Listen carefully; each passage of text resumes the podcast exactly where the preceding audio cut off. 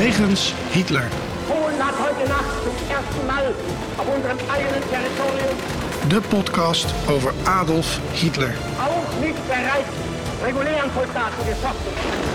Seit 5 Uhr 45 wird jetzt zurückgeschossen. Dictator, alleenheerser.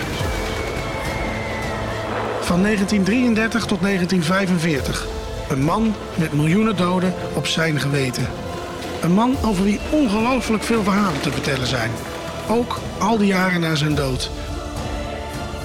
Met Sjoerd de Boer en Niels van Andel.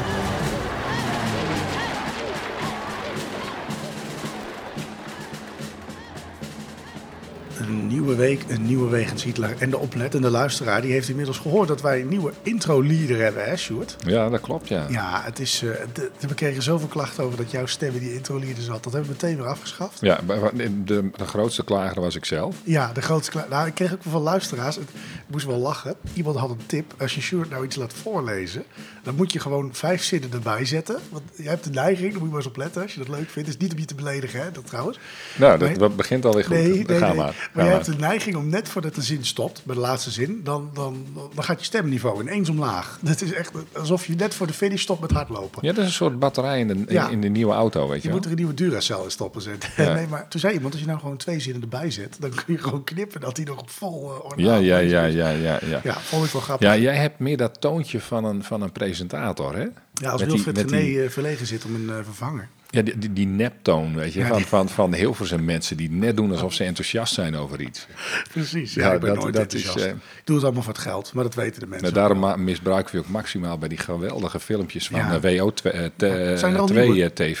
ik, er komt binnenkort weer een nieuwe. Ah, kijk, maar de mensen die dat nog niet bekeken hebben, ga even kijken. WO2 TV op YouTube. YouTube staan inmiddels, ik geloof, vier filmpjes. Er komen er veel meer. Ah, kijk, nou hartstikke leuk. Ehm, in ieder geval, ehm, ehm, we hebben dus een nieuwe intro. Veel dank aan, ik ben even de naam vergeten van... de la- André. André. André, die gaat ook de tussenstukjes nog doen, heb ik begrepen. Dus nou, we zijn hartstikke benieuwd. Dan ben je mijn stem in ieder geval kwijt in die leaders. En Ja, zo. dat, is wel fijn. Ja, dat is echt voor de luisteraars ook. Ik denk echt dat we eh, records gaan breken nu. Nog meer nieuws is natuurlijk dat je nog steeds een vriend van de show kan worden. Ik, ik denk dat toen wij vanochtend keek ik even, volgens mij zaten we toen op de 90 vrienden inmiddels.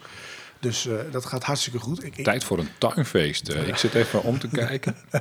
word wel, ik denk niet dat we, denk dat het dan de ophokplicht heet. Maar goed, de, nou, we, we knallen die schutting eh omver. zullen de buren leuk vinden. Ja. Nee. Invasie. We hebben al 90 vrienden, volgens mij misschien 89. Maar nou, het gaat fantastisch met het aantal vrienden wat we hebben. Hartstikke leuk. Denk je nu, ik wil ook deze podcast steunen en ik wil vriend van de show worden. Het kost je maar 15 euro per jaar. Ehm, en, daarmee dekken wij de kosten voor deze podcast. En we zijn hard aan het sparen voor investeringen voor het komende voorjaar. Ehm, en eh, ja, dat, je schrikt toch als je een paar microfoons moet kopen, wat je daarvoor af moet rekenen. Dus ehm, ja, goed, eh, simpel zat. Eh, iedereen die helpt, helpt ons daarmee. Je kunt ook nog, dat is ook leuk, mokken, een mok bestellen. Eh, we hebben er een aantal, flink aantal ingekocht. Tenminste, ik vond een aantal dat ik het wel een gokje vond. Eh, maar we hebben er nog maar een paar over. Er zijn echt veel mensen. Van die 1200 heb je er... Ja, ja, nog maar drie. Nee, dat meen je niet. Nee, maar goed, we hebben er wel een stuk of... eh, we hebben er flink aantal wel gekocht. En eh, nou, we hebben er nog een paar. Dus als je het leuk vindt om de podcast te steunen... en dan je, ja, dit, dit te luisteren uit je favoriete mok... ehm, dan ehm, kan dat. Zo'n mok kost 10,95 euro.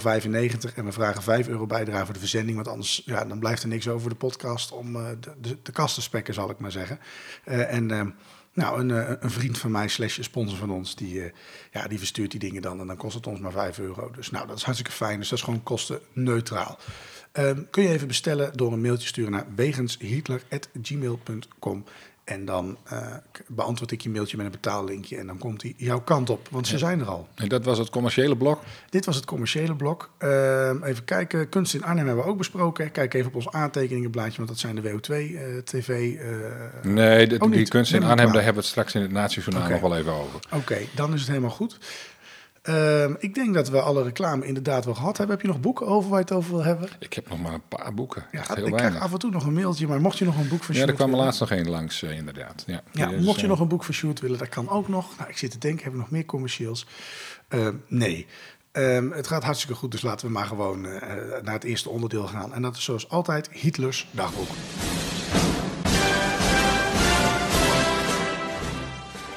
Hitlers dagboek. Het leven van Hitler duurde 20.463 dagen. Wat deed Hitler op deze dagen? Waar bevond hij zich? En vooral waarom?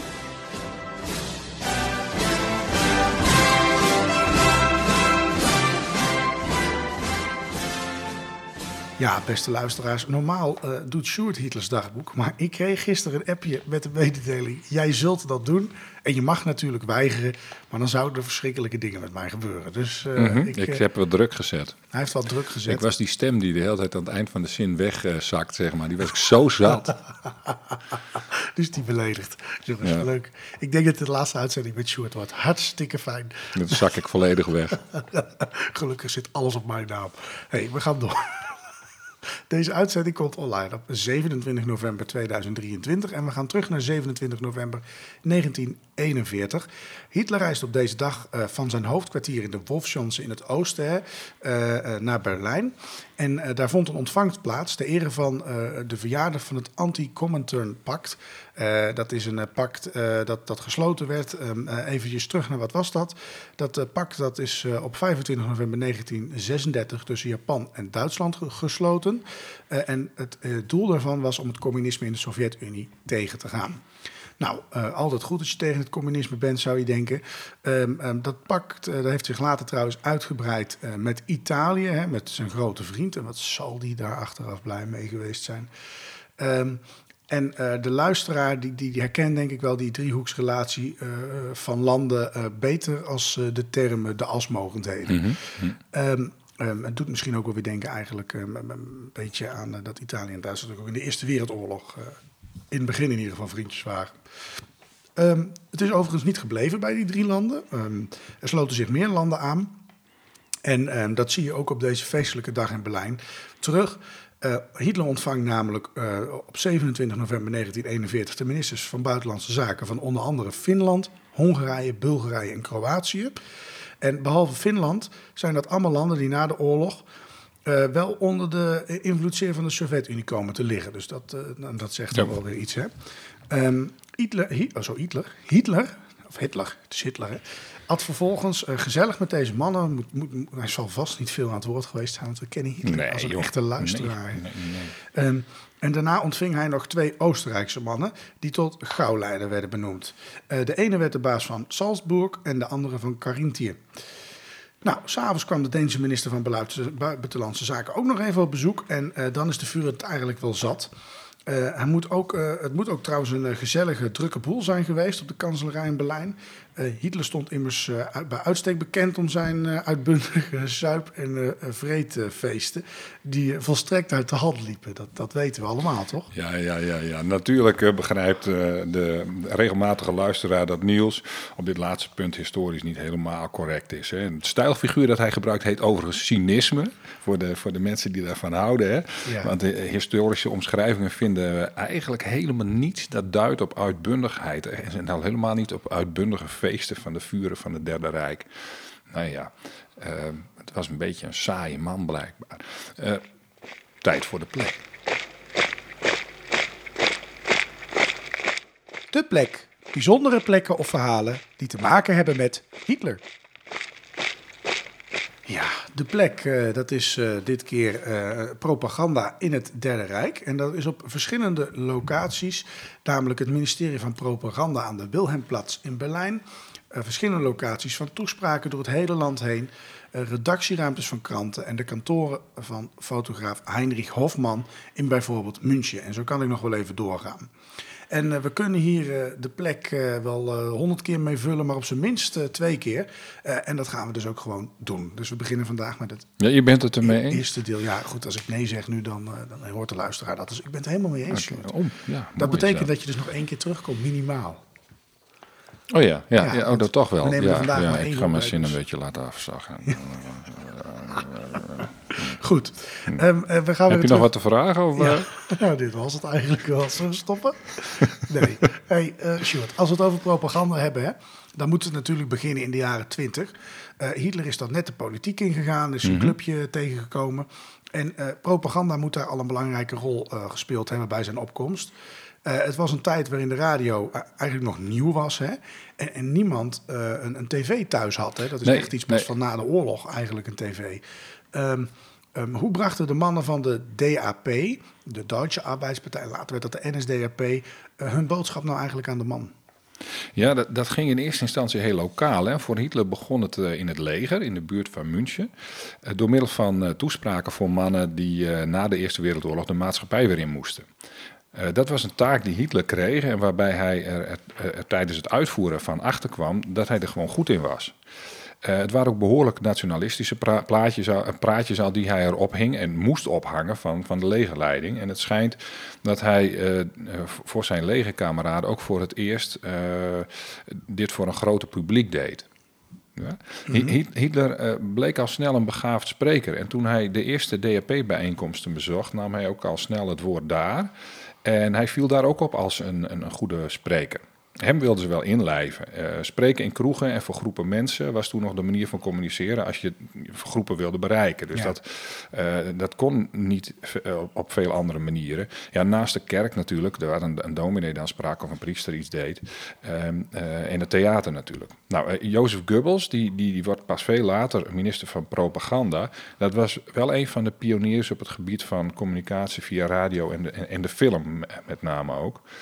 Maar daar kon Hitler nog geen gebruik van maken in die tijd. Het ging dus in de jaren twintig, zeg maar, nog door middel van toespraken. En ehm, nou ja, vooral in Beieren is dat. En, en, en dan had je ook de krant. Eh, als je die kon halen, dan hielp dat natuurlijk ook. Dat je echt eh, ergens in krantenkop eh, terecht kwam. En toen Hitlers partij NSDAP ging heten, nam die ook zelf een krant over van een rechtse club. Eh, Zodat ze zelf via de krant konden communiceren. Ja. Nou, en in die kranten stonden uite- uiteindelijk ook steeds meer foto's. Dus het werd natuurlijk ook een beetje een visueel feestje. Niet alleen over de naties, maar over allerlei onderwerpen. En vanuit het buitenland waaide ook de trend van, van fototijdschriften waaide over. En dat bood natuurlijk een prachtige propaganda, propagandakans. Ja, nou kennen we Hitler ehm, allemaal een beetje als eh, iemand die vooral in het begin helemaal niet zo graag in de krant stond. Nee, nee, dat, dat, dat was zelfs een soort communicatiestrategie. Hitler die liet zich eh, liever niet fotograferen, ook al zaten fotografen op den duur wel achter hem aan om foto's te maken. Eh, maar dat fotograferen dat ging in de jaren twintig eigenlijk heel langzaam. En dat was eh, eigenlijk wel handig voor zo'n strategie, want je kon eh, niet even snel een foto van, van iemand maken. Want je had dan een, een glasplaat, moest je dan zetten in zo'n groot apparaat en dat apparaat moest je installeren. Dus eh, nou ja, hij kon gewoon weglopen en, en weigeren om foto's te laten maken. Nou, het idee was dat de mensen die hem nog nooit in München hadden horen spreken, nieuwsgierig zouden worden naar wie hij dan was. En dat was hartstikke bruikbaar, want er werd direct over gespeculeerd. Eh, er was een gebrek aan foto's van deze mysterieuze man. Hoe zag hij er eigenlijk uit? En er werden zelfs artikeltjes over geschreven. Want wie was die man eigenlijk, hè? Die, eh, over wie men het steeds vaker had? Nou communicatie ging dus in ieder geval door middel van de krant en vond plaats in grote zalen. En daar kwam zo langzamerhand de radio bij. Eh, maar die massabijeenkomsten van later, waar op een hoogtepunt wel zeg maar een miljoen mensen op afkwamen, die waren er nog niet. Maar je kunt je wel voorstellen dat dus toespraken en bijeenkomsten toen nog gebruikelijk waren. Ehm, eh, want er waren nog maar weinig media. Ik denk ook dat mensen veel meer gericht waren op het luisteren naar langere toespraken dan tegenwoordig. Bijvoorbeeld als je protestant was of zo, door flinke training in de kerk. Hè, dat je ook eens een keer moet luisteren. Nou, de nazi's maakten natuurlijk eh, van veel meer communicatiemiddelen gebruik. Later ook posters, radio-uitzendingen. En, en, nou ja, en dan komen de- ook die massabijeenkomsten op. En, en, en, en tv-journaals en dat soort dingen. En hun boodschap was die van het nationalis- eh, nationalisme natuurlijk. En meteen ook al het antisemitisme. Ja. En daar, ja, weet je, dat had Hitler overgenomen van eh, zijn voorbeelden uit de jonge jaren in Wenen. En die mensen hadden er ook al succes mee gehad. Ja. Ehm, eh, de boodschap die zij hadden, die was du- du- duidelijk, hè? nogal autoritair leiderschap. Eh, hun doel was, eh, denk ik ook makkelijk als je aan de macht wil komen, steun van de bevolking. Hè? Ehm, en ehm, een belangrijk punt daarbij was natuurlijk ook dat er ontevredenheid was over de, de, de, de Eerste Wereldoorlog en de afloop daarvan. Maar vooral ook die economische moeilijkheden die in Duitsland speelden. Dat, dat moet allemaal een enorme rol hierin gespeeld hebben, denk ik zo.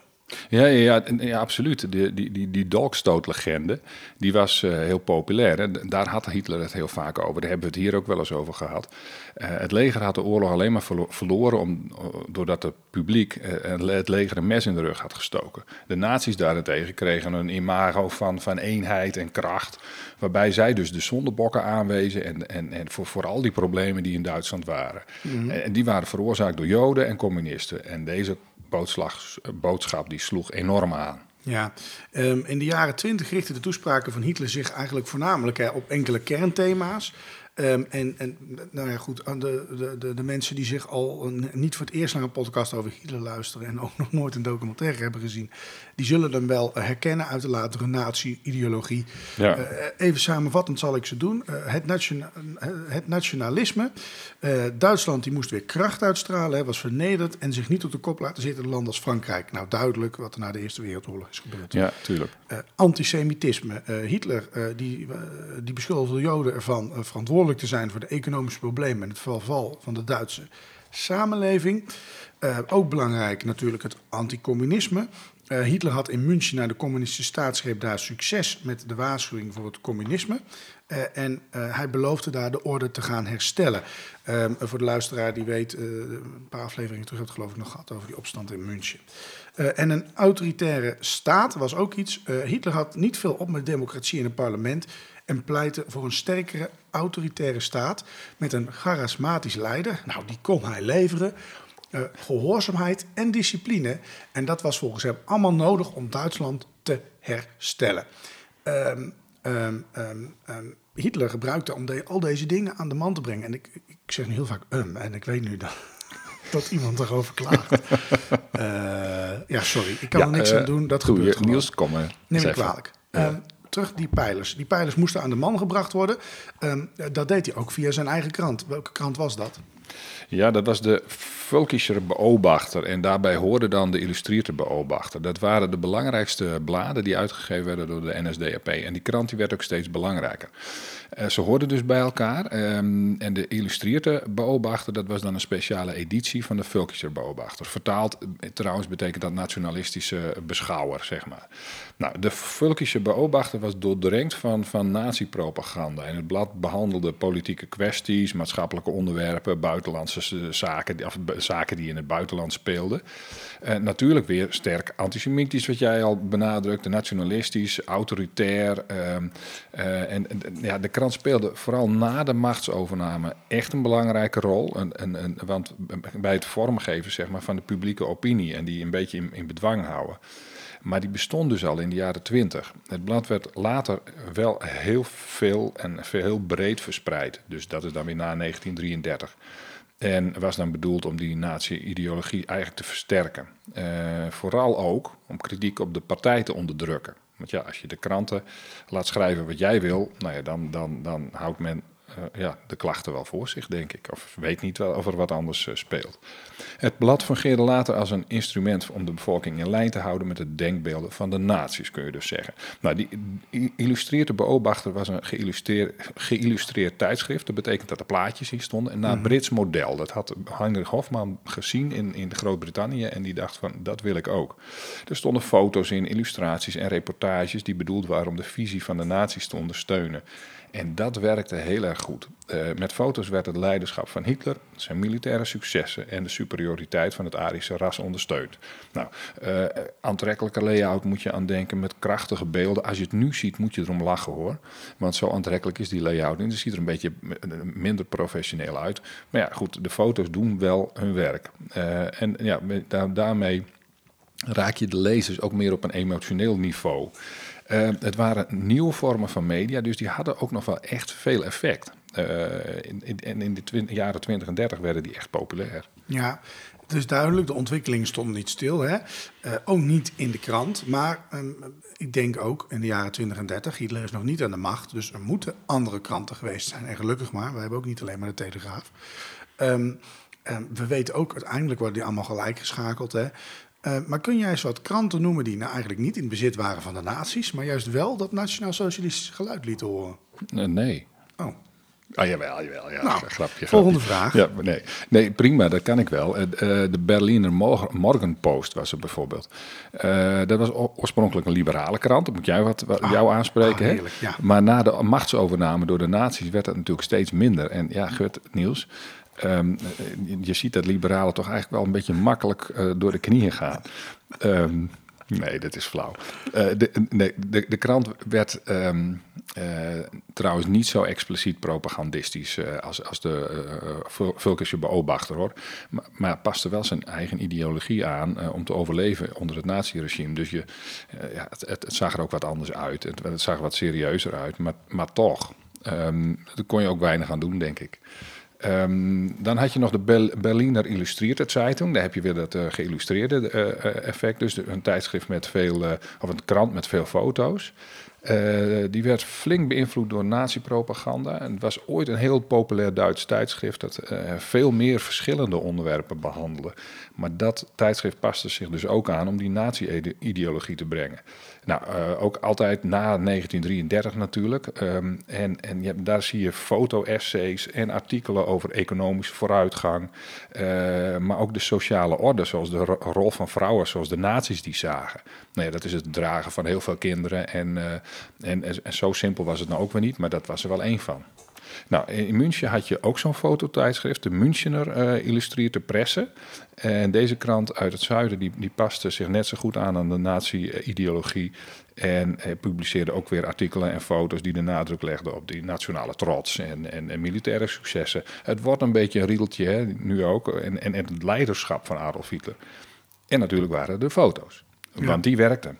Nou, eh, wat nog goed is om te noemen, en dat is wel een, een, een echt berucht, een, een funzig, goor blaadje. Der Sturmer heette het. En dat was ook geen dagelijkse krant, maar een berucht antisemitisch weekblad. Waar zelfs nazi's eh, van zeiden, nou dat interesseert me eigenlijk niet zoveel, dat blaadje. Het werd geleid door Julius Streicher. Nou, het, het stond eh, bekend om die antisemitische propaganda, vulgariteit en haatzaaiende inhoud. Nou, eh, de krant speelde echt een smerige rol in het verspreiden van de haat tegen Joden. En dat droeg dan ook bij natuurlijk aan het creëren van een klimaat van het antisemitisme. Het rechtvaardigde zelfs wreedheden tegen de Joodse bevolking. Nou, de Sturmer was actief vanaf 1923 en bleef tot het eind van de Tweede Wereldoorlog een belangrijk propagandamiddel. Nou, samenvattend was het dus zo dat vanaf 33 het jaar van de machtsovername veel kranten werden onderworpen aan censuur en controle door het ministerie van Propaganda onder leiding van Jozef Goebbels. In de loop van de jaren 30 werden veel meer kranten een spreekbuis van de nazi's, waarbij de redactionele onafhankelijkheid eigenlijk steeds meer werd beperkt. Ja, ja, dat is duidelijk en dat kennen we ook wel. Hè. Ehm, ehm, in die kranten eh, speelde, ehm, en, en eigenlijk in de hele propaganda van de nazi's, die leiderschapscultus van Hitler natuurlijk steeds een enorme rol. En dat is eigenlijk ook zo gebleven tot, tot, tot de dood van Hitler. Eigenlijk ook wel daarna nog even. Mhm. Ja, hè, want ja, hij, ja. ja, in onze vorige introlieder, hè, ik heb hem vaker genoemd, eh, voor Duitsland gevallen is. Hè, hun grote leider is, heeft zichzelf geofferd voor het land. Ehm, en wat heeft dat veel goeds gebracht hè, toen hij weg was. Ehm, maar het zijn eigenlijk gewoon allemaal essentiële elementen, in ieder geval dat dan, dus van die nazi-propaganda. Ehm, ik, ik, ik noem even, ehm, ehm, even makkelijk nu die cultus, alsof iedereen nou weet wat ik bedoel. Kun je eens vertellen hoe die cultus er inhoudelijk uitzag? Ja, ja en dat zie je dus allemaal terug, ook op foto's, ook, ook, ook, ook in, in, in tekst. Eh, ook in de manier waarop die werd voorgesteld als die het podium opkwam. De, de, de, de tijd die hij zijn, zijn, zijn, zijn mensen liet wachten eh, als, als ze in zo'n zaal binnen waren gestroomd. En dan kwam hij op, op de duur steeds altijd wel een half uur of of drie kwartier te laat of zo. eh, om die spanning een beetje op te bouwen. En nou, eh, Hitler werd in ieder geval voorgesteld als een charismatisch en onfeilbare leider. En eh, dat was bijna bovenmenselijk. Eh, na, de nazi-propaganda be- benadrukte zijn rol als redder van Duitsland. Hij was de man die het land eh, uit de economische ellende zou leiden en de nationale trots zou herstellen.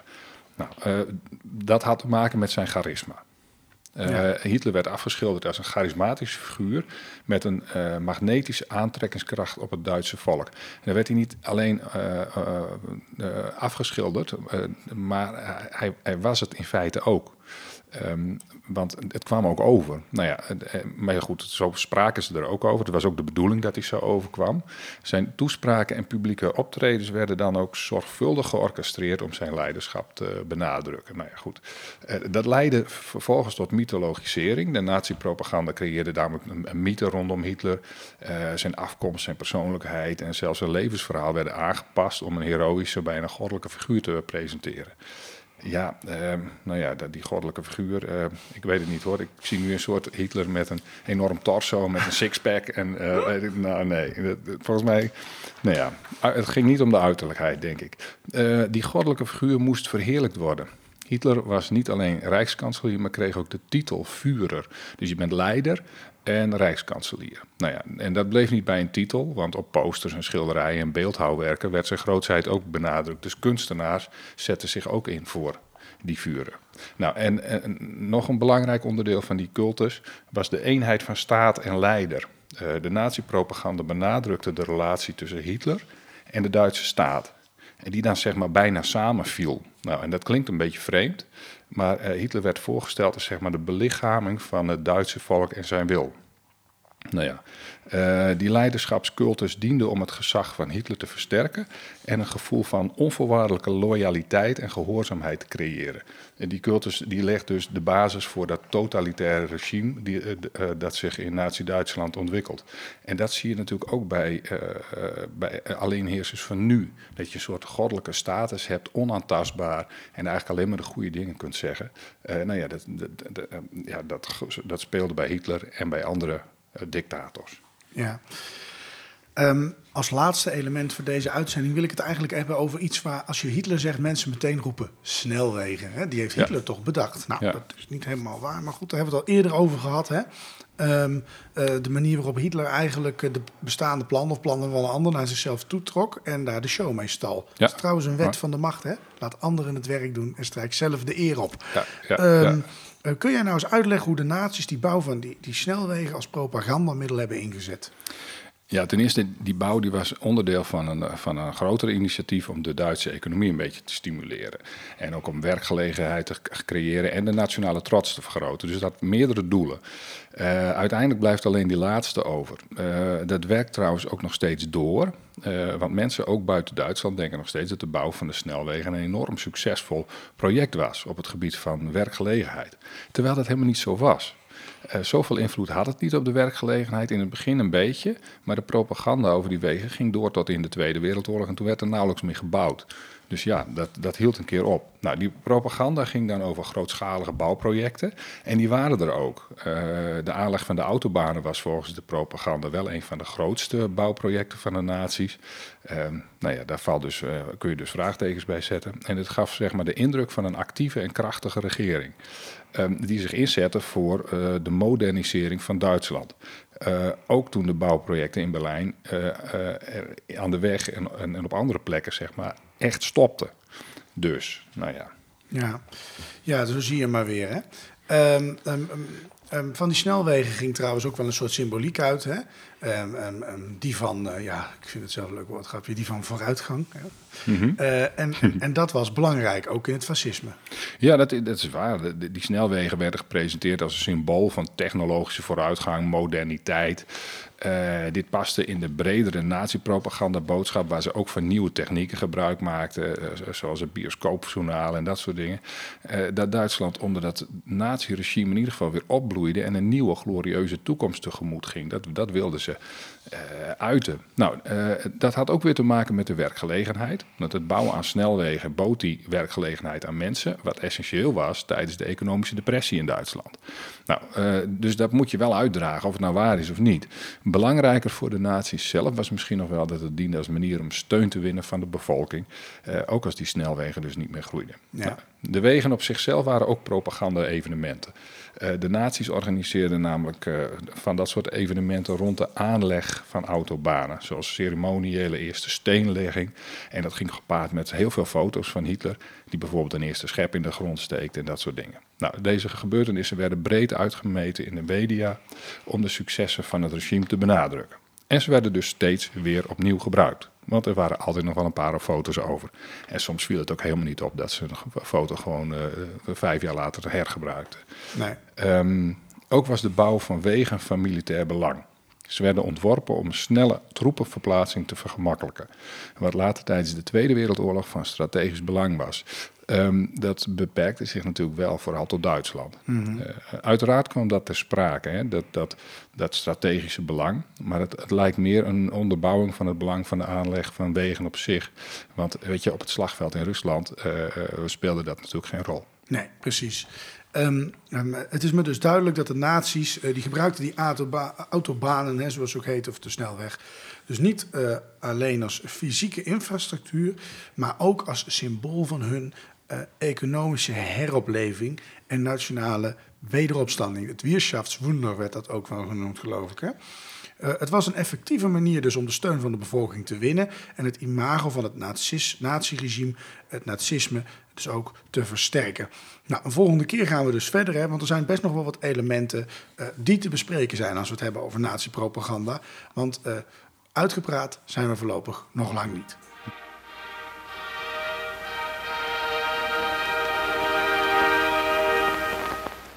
Het Nazi-journaal. Bijna dagelijks is er nog wel iets te vinden over Hitler. Hij is in het nieuws, er is een stuk in de krant, een tweet, een interview of een nieuw boek. We bespreken het in het Nazi-journaal.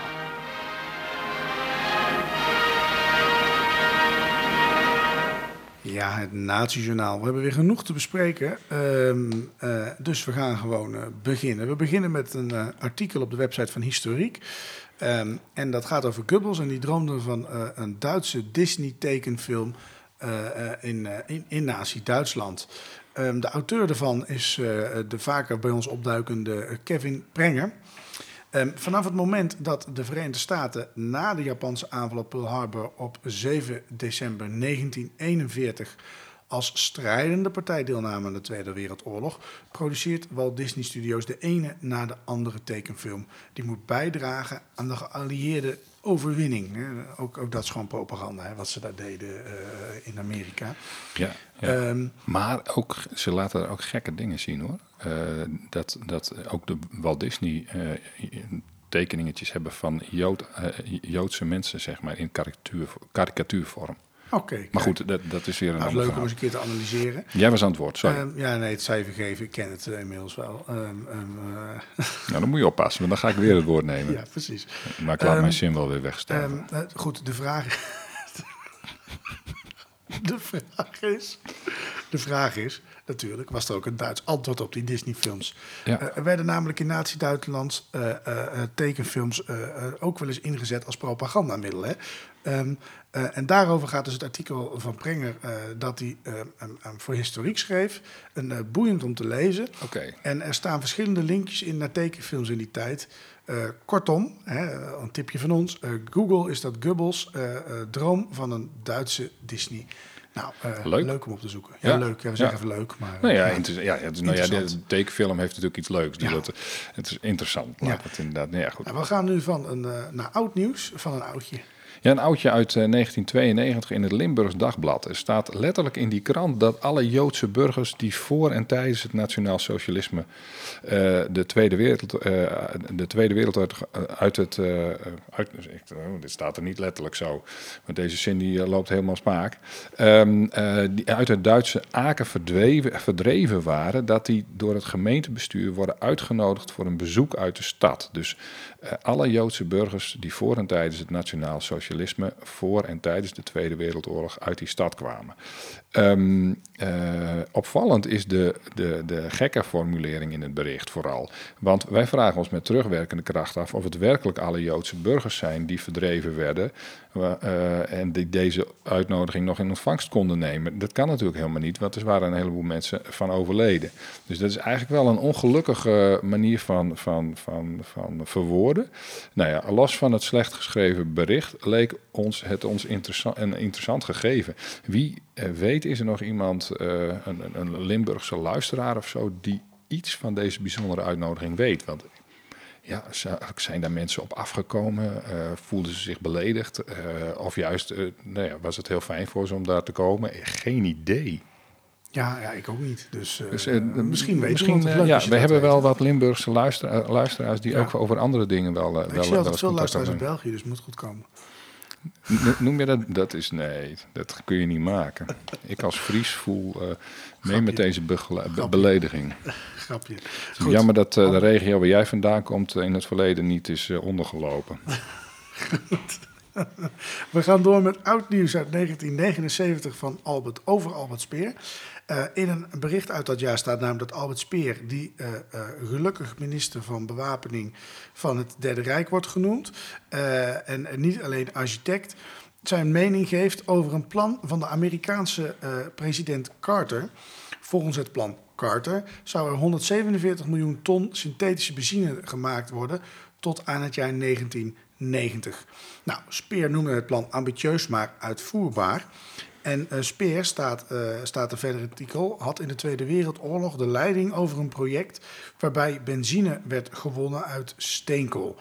En gezien de daverende overwinning van het Derde Rijk in 1945, eh, lijkt het ons dat het advies van Albert Speer van groot belang moet zijn geweest voor president Carter. Ja, dat lijkt mij ook Ja. een hele goede. Ja, Ja. precies. Nou ja, voor de luisteraar die moeite heeft met herkennen van cy- cynisme, eh, wij vertrouwen die Speer om de een of andere reden niet helemaal. Hè? Oeh, oh, oh, is dat Nee, zo? Ja, ja. Nee, helemaal eens.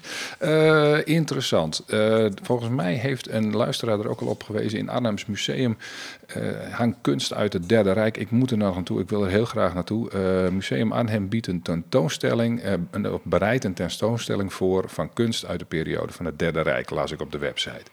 In de tentoonstelling Kunst in het Derde Rijk, Verleiding en Afleiding zijn kunstwerken te zien uit de jaren 1933 tot 1945, waarvan het merendeel destijds is verworven door de Duitse staat. Museum Arnhem bericht, eh, belicht met eh, kunst uit het Derde Rijk wat de rol was van de kunst in deze periode en hoe deze door het regime tot een politiek instrument werd gemaakt. De tentoonstelling is gepland van 11 november 2023 tot en met 24 maart 2024. Dus we hebben nog even, maar hij is al geopend. Ja, nou, en eh, wij, gaan daar, wij, wij zijn ook voornemens om daar iets te doen hè, met de podcast. Ja, ik moet even een mailtje vragen? sturen. Ja. Misschien dat iemand luistert. Want ik denk dat iedereen in Nederland luistert. Zeker Ja. mensen van musea en zo. Ja. Die, eh, wij willen daar eigenlijk wel, wel eh, rondlopen. Zonder dat er allemaal mensen in de weg lopen. Ja, Dat precies. we even rustig kunnen opnemen. Ja, lijkt ons leuk. Dus eh, we gaan even kijken Gaan of iemand vragen of kunnen- dat, of ja, dat we zou gaan kunnen. kijken Ja. of iemand te Ja, pakken kunnen misschien krijgen. zijn ze zo aardig. Laten we het hopen. Ehm Sjoerd, voordat we naar het volgende onderdeel gaan, wilde ik nog even een ongeplande erin gooien. Ja. We hebben natuurlijk afgelopen woensdag in dit land verkiezingen gehad. Hè? Nou, Mhm. de uitslag eh, eh, heeft vriend en vijand verbaasd. Hè? Dat het zo. nou goed, we weten allemaal de PVV is de grootste geworden. En ehm, vroeger was dit onderdeel de Ad-Hitlerum. En eh, ja, we hadden echt losgekund nu. Als het nog de Ad-Hitlerum Ja, de eh, heb je, zijn er zoveel... eh, tegen het vermoeiende aan. Ik heb ehm, ehm, honderden luisteraars, of honderden lu- ver- vertellertjes op radio's, maar ook op social media gezien, demonstraties gezien, dat, dat, dat, dat Nazi-Duitsland is teruggekeerd of zo in Nederland. Hè? Dat het lijkt op 33 dat Hitler aan de macht is gekomen hier. En naast dat het verre van correct is en eh, ja, even eh, flauw. Ik maak ook wel eens een grapje dan van zo. Hè? We zijn nou eigenlijk een echt fascistisch land. Hè? En eh, Ja, dat, maar kijk, ik, ik maak er nog een keer zo'n een, zijdelings grapje over. Maar er zijn mensen die dit nu serieus menen dat dit aan de gang is in Nederland. Ehm, en ehm, nou, naast dat al die vergelijkingen Ja, niet kloppen, dat, dat is altijd met een Ad Hitler namelijk. Hè? mhm. Nou, dat ze er bang voor zijn, dat, dat is prima, zeg maar. Dat Nou, Maar dat- altijd we, zijn, hebben het maar- altijd over. Dat had, Hitler geze- eh, gezegd van ja, het moet wel een vergelijkbare twee Situaties vergelijkbare situaties zijn. En, en überhaupt elke vergelijking loopt altijd uit het, uit, uit, uit het lood. Dat kan, je vergelijken deugen nooit helemaal. Nee, nee, nee, klopt. Maar het- dit is echt wel een. een eh, ja, je kunt het niet vergelijken. Ook, Nee, ook, ook qua democratisch proces eh, eh, niet. Nee, en hoe terecht is ook, oh, ik sla zo de microfoon bijna weg. Hoe terecht is ook die angst, hè? Want ik, ik kijk, eh, ja, misschien was ik wel heel bang geweest als eh, de SP heel groot was geworden, dat de communistische staat terug zou keren of zo. Dan, dan is het toch ook flauw om te roepen, hey, Stalin komt hier aan de macht. Dus het, Nee. is, het is altijd een beetje, en ik wil niet, ik wil niet vervelend zijn. ehm, Nou ja, de angst, de angst van bepaalde bevolkingsgroepen natuurlijk, die is wel gegrond op, op, op basis van bepaalde uitspraken die gedaan zijn in het verleden. Dat snap ik, kan ik nog volgen. Mhm. Eh, maar dan nog is het niet hetzelfde als, als, als, als Hitler. En, er is, eh, en het is ook niet hetzelfde als, de, eh, als het Derde Rijk. Nee. De, de nationalistische staat. En, en daarom leek het mij goed. En misschien om te doen, en misschien dan niet de volgende uitzending, maar die uitzending daarna. Dat we eens even kijken van. We hebben het nog niet zo heel lang geleden besproken. Hoe kon nou Hitler aan de macht komen in een Duitsland? Dat we toch nog eens even die Weimar Republiek erbij pakken. Die, die checks en balances die daarin zaten. En dat wij zelf nou eens de situatie van toen vergelijken met nu. En dan een conclusie misschien wel trekken dat, dat dat niet te vergelijken is. En bovendien dat ons land heel anders Nou ja, in elkaar ik- zit. ja, en ik wil er wel ja. op vooruit lopen dat dat zo is. Maar dat we dat toch eens even wat historisch correct bekijken. Een, een klein, klein, een klein dingetje dat we alvast kunnen, kunnen noemen... is dat er, ik op, de, op de straten nog geen SA heb zien rondmarcheren. Nou nee, en, en demonstreren mocht gewoon ook. Ik heb demonstraties gezien tegen de overwinning van de PVV. Nou, daar vind ik ook wel wat van, maar oké. Ja, nee, maar, Maar dat die SA doen, die was er ook al voor de verkiezingen. Dat, dat, dat wil ik zeggen, die waren er al. Maar goed, daar gaan we het niet over. Daar Maar gaan we het dan over. Laten we dat een, Ja. een speciale special doen over de uitslag van de Nederlandse verkiezingen. Eh, is Nederland een fascistisch land geworden? Nou, dat, ik vind het fantastisch om het daar eens gewoon over te hebben. Oh, gaan we dat die vraag beantwoorden? Nee, ja, Dat nee. lijkt me niet zo'n goed idee. Nee. Daar ga ik echt niet over. Goed, laten we in ieder geval kijken van hoe dat nou kan dat Hitler daar aan de macht kon komen. Dan mogen mensen hun conclusies trekken. Of Dat lijkt nou- mij veel Sorry, verstandiger. dat bedoel ik, eh, uiteraard. Jij, maar jij duwt me nou die VVD-agenda zo mijn strot door. Dat gaan we echt niet doen, eh, gast. laten we het niet hebben over de VVD. Hè? Laten we niet achteruit kijken, maar vooruit. En daarom gaan we nu van nu naar vroeger. Van nu naar vroeger. Wat speelt er nu in ons nieuws en hoe zat dat in de tijd van Hitler?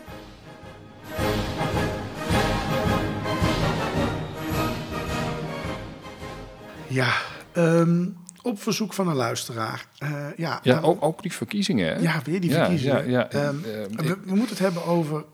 Campagnes had hij met name. Zeiden, hoe, hoe ging dat toen, weet je wel? Ja. ja. zagen we Hitler eh, zeg maar, eh, op een plein met bewaking, zoals Wilders? Of, of, of stond hij bij de viskraam Ja.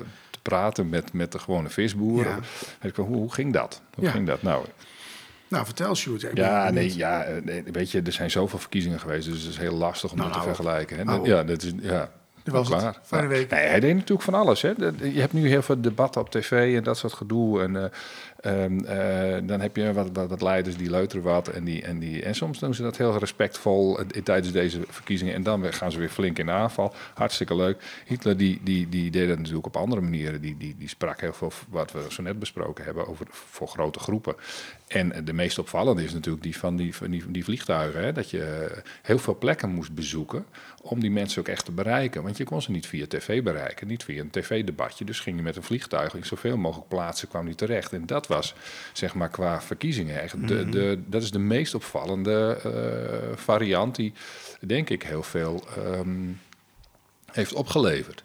En, en ja, dat was hartstikke vernieuwend. Je was snel en dan sprak hij wel vijf keer per dag. Ze zeggen ook wel eens dat Hitler lui, Hitler lui was en zo. Nou ja, dat blijkt niet uit die periode in ieder Nee. geval. Daarna werd hij wat moeier. Ja, ja toen was, het, was zijn, zijn- zijn energie wel ongeveer op.